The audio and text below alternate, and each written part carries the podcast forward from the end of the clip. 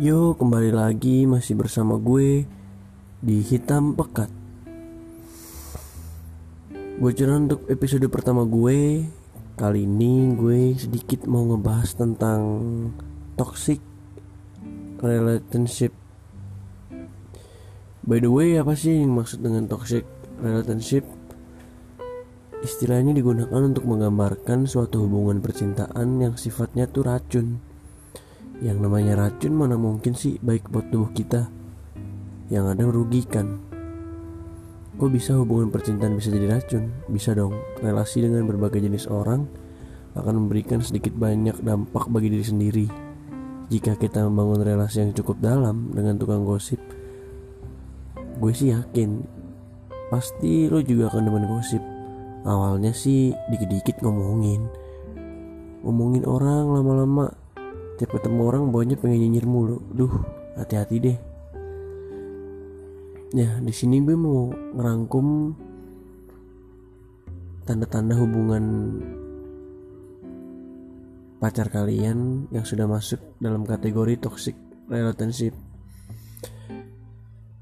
Pertama ya doi jadi pusat kehidupan Anda, nggak ada yang lain. Maksudnya tuh pusat kehidupan, bukan baik menjadi doi prioritas pertama. Eits, tapi tunggu dulu. Dalam menjalin hubungan kan istimewa dengan seseorang yang kalian sebut sebagai pasangan. Memang menurut kalian untuk menjadikannya prioritas yang lebih tinggi dibandingkan dengan orang lain. Kalau nggak ada prioritas terus apa bedanya dong pacar sama teman biasa? Pasti beda. Tapi di sini mau gue garis bawahin tuh adalah tidak ada yang lain Doi menuntut habis-habisan kalian untuk selalu bersama dengan Doi sepanjang hari. Tidak boleh jalan dengan sahabat, selalu penuh kecurigaan, mengurungi hubungan dengan keluarga kalian, dan selalu marah jika keinginannya tidak dipenuhi. Duh, jika hubungan agan sudah demikian, hati-hati deh. Karena itu tandanya Doi egois tuh.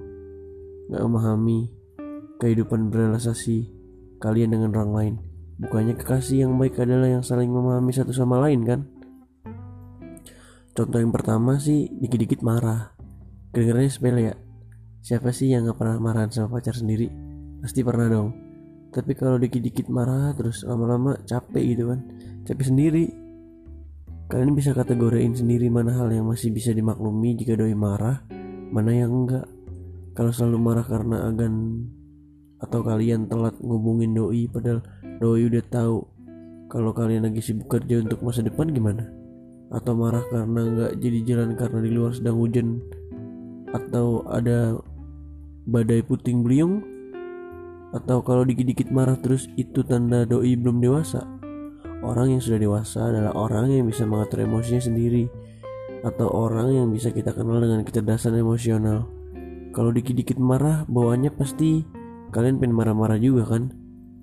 Racunnya udah menjalar terus yang kedua apakah doi agen CIA CIA kan terkenal tuh sama yang namanya kekuatan intelnya. Jadi ya paham lah dengan yang dimaksud sama gue.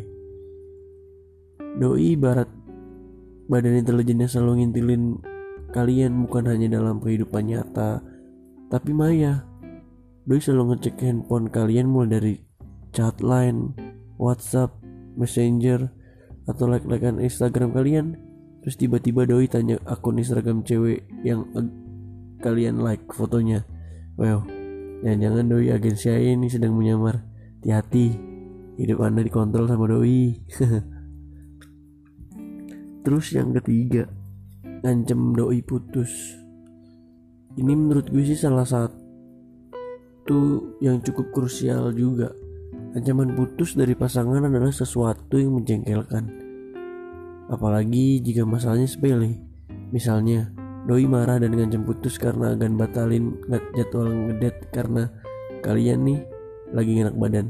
Kalau ancaman putus ini terus-terusan bisa jadi doi nggak menghargai komitmen hubungan antara doi dan kalian. Mana ada kan yang namanya udah jadian dan pacaran terus pengen putus gitu aja. Semuanya pasangan juga. Gue pikir sih pasti mau punya hubungan yang langgeng dan serius. Kalau doi sering ngancem putus mungkin kalian bisa berbicara empat mata sama doi. Nah sebelumnya terima kasih buat kebersamaannya dan cukup sampai di sini.